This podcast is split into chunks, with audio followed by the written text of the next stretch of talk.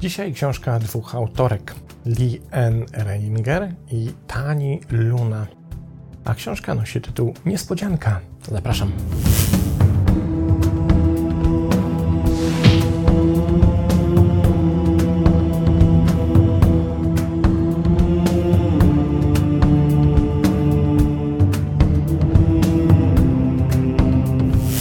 Książka Niespodzianka została opublikowana w Stanach Zjednoczonych w 2015 roku. Jak na razie nie doczekała się tłumaczenia i wydania polskiego. Przyjrzyjmy się, kim są autorki. Dr Lee Ann Renninger jest dyrektorem generalnym i założycielką Life Labs New York. Ma doktorat z psychologii społecznej, który uzyskała na Uniwersytecie Wiedeńskim, gdzie badała różnice pomiędzy dobrymi oraz świetnymi komunikatorami. W Life Labs New York pomaga menadżerom na całym świecie katalizować lepsze i bardziej zaskakujące myślenie o sobie i innych. Druga pani, autorka Tania Luna, kieruje działem kultury w Life Labs New York. Jest współzałożycielką Surprise Industries. Pisze także do mojego ulubionego Psychology Today i prowadzi badania w Hunter College. Książka zachwyciła mnie jedną rzeczą, bardzo świeżym spojrzeniem na ten obszar w naszym życiu, którego zazwyczaj nie dostrzegamy, a który, jeśli nic z tym nie będziemy robić, jeśli nie zareagujemy, lub też jeśli zamieciemy sprawę pod dywan, czy też nie zechcemy go zauważyć, może mieć niezwykle istotny i poważny wpływ na to, w jaki sposób postrzegamy jakość swojego życia we wszystkich możliwych obszarach, od zarządzania emocjami, począwszy, a na spełnieniu skończywszy. Książka nosi tytuł Niespodzianka i nie chodzi tutaj o zawartość tej książki, ale o to, w jakim stopniu to, co uznajemy za niespodziewane dla naszego życia, ma na nas wpływ i jak często ten wpływ jest niestety negatywny i nie taki, jak powinien być. Ale na początek Pochylmy się nad pierwszym fragmentem, bo on nam parę rzeczy wyjaśni. Piszą autorki następująco: Zostaliśmy wychowani, aby wierzyć w świat, który jest przewidywalny i pod naszą kontrolą. Jednak gdy rozwój nabierał rozpędu, moje iluzje, tutaj jedna z autorek pisze o sobie, kontroli i przewidywalności rozpadły się. Zdałam sobie sprawę, że nie tylko opuściłam siedzenie kierowcy, nie było mnie nawet w samochodzie.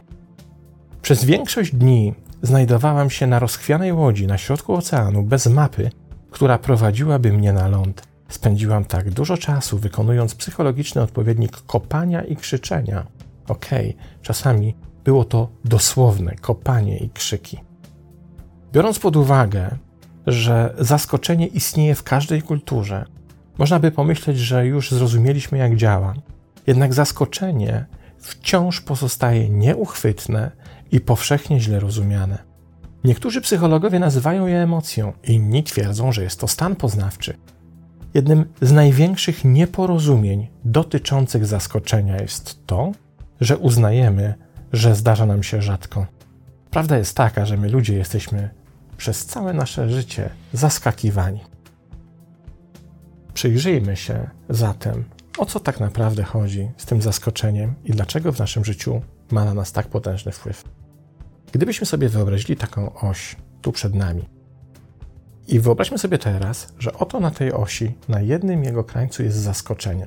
Czyli wszystko to, co nas zaskakuje, co jest nieprzewidywalne, czego się nie spodziewamy, co stawia nas w obliczu takiego znieruchomienia, bo nie wiemy, co z tym począć, bo spodziewaliśmy się, że sprawy przyjmą zupełnie inny obrót, że rzeczywistość układa się nie tak, jak nam się wydawało wcześniej, że powinna się ułożyć. Więc jeśli na jednej skali, jeśli na jednej stronie, na jednym ekstremum tej osi mamy zaskoczenie, to teraz odpowiedzmy sobie na pytanie, co jest po drugiej stronie. Jeśli tu jest zaskoczenie, to tu będzie rutyna, prawda? Jeśli tu jest nieprzewidywalne, to tu musi być przewidywalność. Jeśli tu jest chaos, i co chwilę zmieniające się reguły rzeczywistości, a zatem gry, która nami zarządza, no tutaj jest bezpieczne, ciepełko, wszystko się dzieje po staremu, wszystko jest przewidywalne, wszystko jest takie poukładane, niczym się nie zaskakujemy. Bardzo wielu z nas uznaje, że nie lubi tego ekstremu, a najlepiej by się czuło w tym ekstremu. To jest bezpieczeństwo, stabilizacja, wszystko można przewidzieć, można coś zaplanować na wiele lat, nawet do przodu, czy nawet powiedzielibyśmy wiele dziesięcioleci do przodu, bo wszystko jest poukładane. Problem w tym, że najnowsze psychologiczne badania wykazują, że jeśli nasze życie egzystowałoby tylko i wyłącznie w tym ekstremum, załóżmy przez chwilę na potrzeby naszej rozmowy, że istnieją ludzie, którzy rzeczywiście w życiu doświadczają tylko i wyłącznie rutyny i przewidywalności, to badania wskazują, że ci ludzie są tak samo głęboko nieszczęśliwi, jak ci, których życie co chwilę zaskakuje. Ponieważ żaden z tych elementów tak naprawdę nie jest dla nas do końca dobry. Z jednej strony nie lubimy być zaskakiwani, ale z drugiej strony nie bójmy się tego słowa. Jeśli nasze życie jest maksymalnie przewidywalne, to tak samo jak jest maksymalnie przewidywalne, jest tak samo cholernie, dramatycznie nudne. Co więcej, jest cała masa badań, na które powołują się autorki, które udowadniają, że im więcej rutyny w naszym życiu, im więcej tej bezpiecznej nudy, tej przewidywalności, tym sorry, mniejszy rozwój. Tym mniej się uczymy, mniej się rozwijamy, mniej odporności zdobywamy na życie. Tym bardziej to nasze życie niejako usypia naszą czujność, powodując, że kiedy rzeczywiście nas coś zaskoczy, nie będziemy sobie mogli z tym kompletnie poradzić. A zatem, skoro już to wiemy, że oto nieprzewidywalność, zaskoczenie znajdujące się na jednej skali osi jest nie do końca fajne, nie chcemy być zaskakiwani, a z drugiej strony rutyna, nuda również jest destrukcyjna dla naszego systemu, to wyobrażamy sobie, że najlepiej by było w naszym życiu, żeby tak było trochę tego i trochę tego. Nie? Czyli żebyśmy sobie gdzieś tutaj się usadowili na środku tej osi, narysujmy sobie ten fragmencik na zielono i ten zielony fragmencik to jest tak, że generalnie jest przewidywalnie, czasem nas coś zaskoczy, ale jeśli nas coś zaskoczy, to wolimy, żeby to był kumpel, który nas zabierze w nasze urodziny do domu i tam się nagle okaże, że jest chata pełna ludzi i jest przyjęcie niespodzianka, więc wolimy tego typu zaskoczenia niż zaskoczenie typu przychodzisz rano do roboty i okazuje się, że tam już nie pracujesz, bo to też jest zaskoczenie, prawda?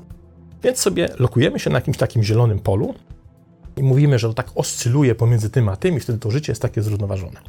I tak by było najfajniej. Wiecie, gdzie jest problem?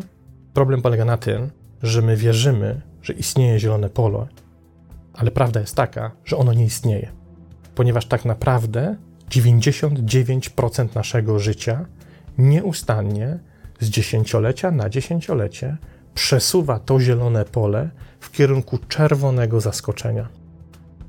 Bo przyszłość i rzeczywistość jest nieprzewidywalna, a mówiąc inaczej, przyszłość i ta, to, co nas otacza i co nas, czego doświadczamy na co dzień, staje się z biegiem czasu coraz bardziej nieprzewidywalne, a zatem, co właśnie udowadniają autorki, zaskoczenie jest stałym elementem naszego życia. Jeśli wydaje nam się ta teza przesadzona, to posłuchajmy się najprostszym z brzegu przykładem. Czy w roku 2019, w grudniu, a niech tam, dobrze, niech będzie połowa grudnia 2019 roku, gdybyśmy się przenieśli w czasie i gdybym Wam powiedział, jaka rzeczywistość będzie za półtorej roku, czyli w marcu 2021, to byście w to nie uwierzyli. Ponieważ to, co się wydarzyło w ciągu tego zaledwie półtorej roku na świecie, tak dramatycznie nas wszystkich zaskoczyło, że do dzisiaj większość z nas niestety sobie z tym zaskoczeniem nie potrafi poradzić i nie potrafi się odnaleźć w nowej, zaskakującej sytuacji. Runęło dokładnie wszystko, do czego byliśmy przyzwyczajeni. I tych przykładów branż, które musiały zweryfikować swoje myślenie o świecie, ludzi, którzy musieli zweryfikować swoje przyzwyczajenia, swoje nawyki, można by mnożyć. To, co kluczowe w tej książce, a zwróćmy uwagę, to jest książka z 2015 roku, więc trudno powiedzieć, żeby autorki były w stanie przewidzieć to, co się stanie z pandemią. Ale fundamentem tej książki jest teza, która mówi: Nie da się uciec od zaskakującej rzeczywistości, ponieważ te niespodzianki przydarzają nam się wielokrotnie częściej niż byśmy sobie tego życzyli na wszystkich możliwych polach. w naszej aktywności zawodowej, w naszych związkach, w naszych relacjach, w naszej rodzinie, w naszych układach przyjacielsko-towarzyskich, w naszym zdrowiu, w naszej kondycji. Dzisiaj biegasz przez park, oddychasz pełną gębą. Jutro nagle, nie wiem, cegłówka ci na łeb spadnie i okaże się, że wcale nie jesteś taki sprawny fizycznie, jak byłeś do tej pory. Te zaskakujące momenty zdarzają nam się permanentnie i na okrągło.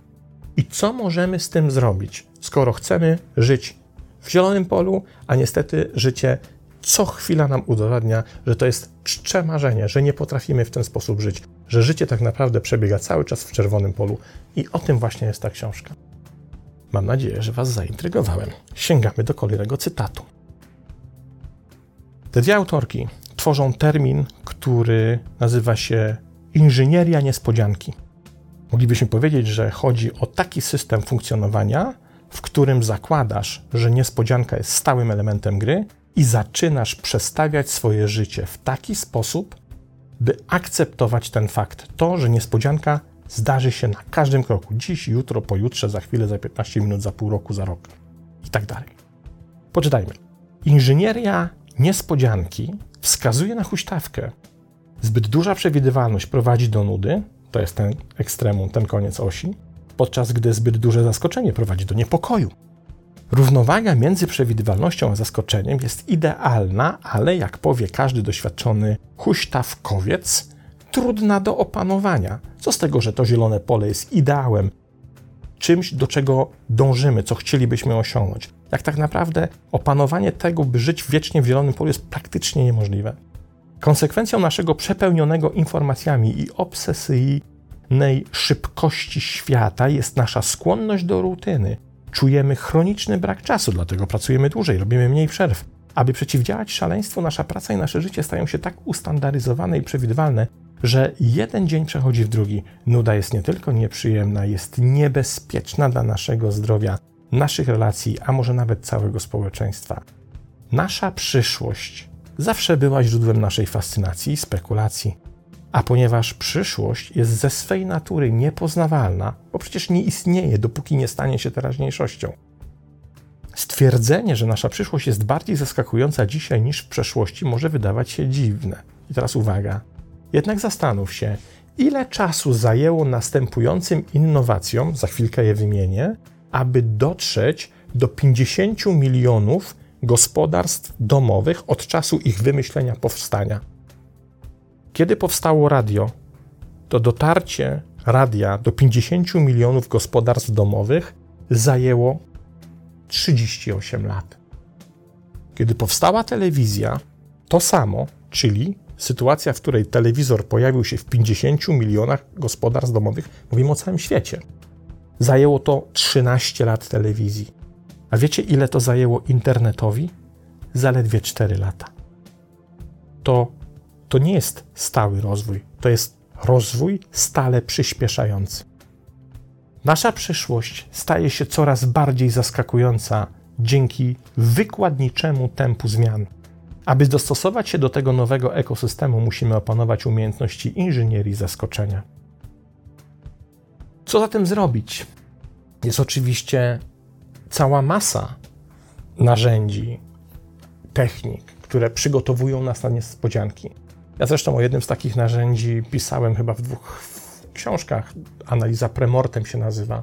To jest takie bardzo prościutkie narzędzie, w którym zakładasz, że zrealizujesz jakieś zamierzenie czy też cel i poświęcasz osobny czas na to, żeby wymyśleć sposób, w jaki to, co zakładasz, czyli ten cel, może się nie udać. Nie udać, ale nie udać. Czyli przewidujesz sytuację, w której to nie wyjdzie. To się nazywa diagnoza premortem. Po co? By przygotować się na niespodziewane, zaskakujące rzeczy, które mogą wydarzyć się po drodze, których nie widzimy, kiedy jesteśmy w euforii przystępowania do realizacji zamierzonego celu. Ta euforia, o jak będzie fajnie, jak my to zrobimy, przesłania nam taki obiektywny pogląd na sprawę. Kiedy jednak oprócz zakładania, że to wyjdzie, zakładasz również, że nie wyjdzie, no to teraz musisz zmusić swój mózg, żeby znalazł odpowiedź na pytanie, dlaczego tak się stało, że to się nie udało. I dopiero wtedy widzisz, że po drodze mogły się wydarzyć rzeczy, których na tym etapie, na którym teraz jesteś, po prostu nie przewidziałaś, czy też nie przewidziałeś. To jest tylko jedno z narzędzi. Ta książka jest ich pełna, pełna badań, pełna narzędzi, pełna technik. Ale to, co dla mnie w niej najciekawsze i co stanowi jej sens, to nawet nie tyle te narzędzia, bo je możemy znaleźć, ich się możemy nauczyć, te techniki możemy zdobyć, ale zmiana naszego nastawienia do niespodzianki, z unikania i wmawiania samym sobie, że niespodzianki w naszym życiu się nie przydarzają, do nastawienia akceptującego to, że kurcze tworzą nasze życie. Nie tylko, że się nam zdarzają, nasze życie jest niespodzianką. Wszystko, za co się weźmiesz, jest niespodzianką. Czegokolwiek byś nie doświadczył, nie doświadczyła, zawsze jest tam w środku element niespodzianki, czy nam się to podoba, czy też nam się to nie podoba. Co proponują autorki, żeby zmienić nasze nastawienie i żeby ta niespodzianka przestała nas boleć, żeby przestała nam odbierać energię, żeby przestała być dla nas destrukcyjna? One mówią wprost: musisz stać się niespodziankologiem. Sorry, to jest moje tłumaczenie. One w języku angielskim nazywają to surpriseologist, czyli połączenie olog, czyli jakiś tam zawód czy też specjalista z niespodzianką, więc przetłumaczywszy na polski brzmiałoby to niespodziankolog. Trudne słowo, ale może się przyjmie. I piszą one tak. Jak sprawić, by zaskoczenie stało się nawykiem, a nie okazjonalną przyjemnością dla mózgu? Stwórz wewnętrznego niespodziankologa. I za każdym razem zapamiętaj jedną kluczową zasadę. Tą zasadą jest pytanie, co zrobiłby niespodziankolog? Jak się okazuje, genialne narzędzie, które nam pomaga przetrwać niespodziankę. Pytanie, co zrobiłby niespodziankolog, to skrót do wszystkich spostrzeżeń i pomysłów, które znalazłeś w tej książce.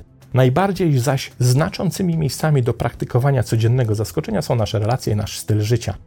Kiedy zręcznie zaskakujemy siebie i nasze interakcje z innymi, więź, podekscytowanie i spełnienie również stają się codziennością. A zatem zaplanuj czas w swoim kalendarzu, w rozumieniu również w całym swoim życiu, na niespodziankę i zacznij używać niespodzianki jako narzędzia swojego rozwoju. Gdy utkniesz, gdy stoisz przed ścianą, gdy nie wiesz co dalej, gdy jesteś przytłoczona, przytłoczony, zaskoczony i masz ten taki moment zawieszenia w teraźniejszości, przecież niespodzianka tak naprawdę, zwróćcie uwagę, to jest paradoks niesamowity, kiedy się zdarza coś niespodziewanego, to to nas sprowadza to tu i teraz. Natychmiast, bo jesteś zaskoczony, nie możesz wędrować umysłem po przyszłości i po przeszłości, jesteś tu i teraz. Oto zaskoczenie wprowadziło cię do mindfulness. Fascynujące. A zatem ilekroć coś takiego się zdarzy, zawsze zadaj sobie pytanie, zaraz, zaraz, jak w tej sytuacji zachowałby się specjalista, niespodziankolog? Co by zrobił niespodziankolog? Jakie pytania by zaczął zadawać? I okazuje się, że tych pytań jest kilka, które powinniśmy sobie w takiej sytuacji, jako ten specjalista, niespodziankolog, zadać. Na przykład, jak mogę rozwiązać ten problem? Co ten problem mi pokazał, czego wcześniej nie zauważyłem? Co powinienem powiedzieć, by zacząć zbliżać się do nowego rozumienia tego, co mnie spotkało? Jak mam rozumieć, co mnie spotkało? Dlaczego tego wcześniej nie przewidziałem? Jaką informację dostaję tym, że spotyka mnie to, co mnie zaskoczyło? Zobaczcie, ile pytań można sobie zadać, będąc niespodziankologiem, które wszystkie gdzieś tam z tyłu głowy niosą ze sobą możliwość rozwiązania tego problemu. Bo jeśli jesteśmy otwarci na zaskakujące rzeczy i mówisz, OK, jestem niespodziankologiem, to ta otwartość na niespodziankę jednocześnie wyprowadza cię z tej niespodzianki. I jednocześnie zamiast się dręczyć tym, kurczę, znowu życie mi się zepsuło. Poukładałem sobie te klocuszki swojego życia, ktoś przyszedł, strzelił palcami je wszystkie rozsypał poukładałem sobie relacje, zdarzyło się to, to, to, to, tamto, ta relacja się rozpadła. Poukładałem sobie coś tam i znowu z tego nic nie wyszło. Zamiast biadolić nad tym, że tak życie wygląda, a tak kurde wygląda, lepiej jest przygotować tego swojego wewnętrznego niespodziankologa i mówić, ok, to skoro tak się stało, to czego się właśnie dowiedziałem, co z tego wynika, co mogę z tym zrobić, jaki w tym jest sens, czego się mogę nauczyć o swoim życiu, czego się mogę nauczyć w tej sytuacji, jak tą bombę mogę rozbroić i co mogę zrobić dalej. Widzicie, co jest pod spodem? Tam jest pod spodem rozwój. To właśnie zadając sobie takie pytania i odpowiadając na nie, my się zaczynamy rozwijać i uczyć samych siebie. I to właściwie tyle. Książka jest oczywiście o wiele większa niż te krótkie fragmenty, które przeczytałem i to, co o niej opowiedziałem, ale starałem się wyciągnąć z niej to clue, to sedno, które może nam pomóc przewartościować nasze podejście do życia i niepokojenia się tym, że o to wszystko jest niespodzianką, wszystko nas zaskakuje, nie potrafimy sobie z tym poradzić. Lee N. Renninger i Tania Luna. Książka nazywa się Niespodzianka. Wyszła w 2015 roku i szanse chyba maleją na to, że zobaczymy ją na rynku polskim. A, straszna szkoda. To tyle. Zapraszam na kolejny odcinek. Do zobaczenia.